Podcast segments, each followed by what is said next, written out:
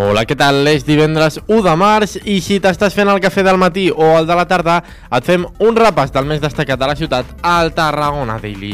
I comencem explicant que Esquerra Republicana i el Partit Socialista han valorat el projecte de llei dels pressupostos de la Generalitat de Catalunya que suposen un increment del 12% de la inversió respecte l'any 2023 al Camp de Tarragona.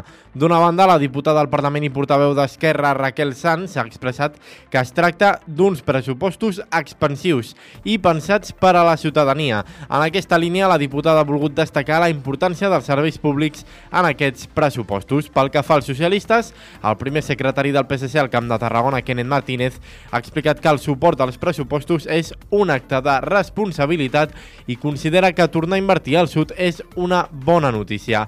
Pel que fa al Hard Rock i a la no aparició del projecte als pressupostos, la diputada del Parlament socialista Rosa Maria Ibarra ha insistit que confien en la paraula del govern que va dir que continuava la tramitació administrativa.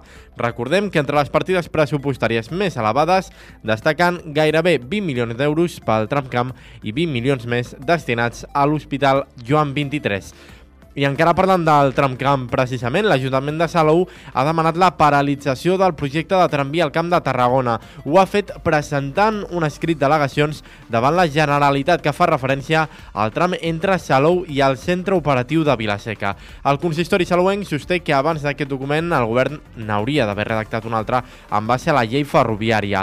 El ple de Salou ratifica aquest dimecres un decret d'alcaldia amb les al·legacions dirigides a la Direcció General d'Infraestructures mobilitat en què es destaca l'impacte que tindria la instal·lació del tramvia a la trama urbana de Salou. I hem de parlar també de els monuments i el patrimoni de la ciutat de Tarragona perquè les obres de restauració i de conservació de les façanes del Pretori ja estan engestides, ja les podeu veure. Si aneu avui ho podreu comprovar.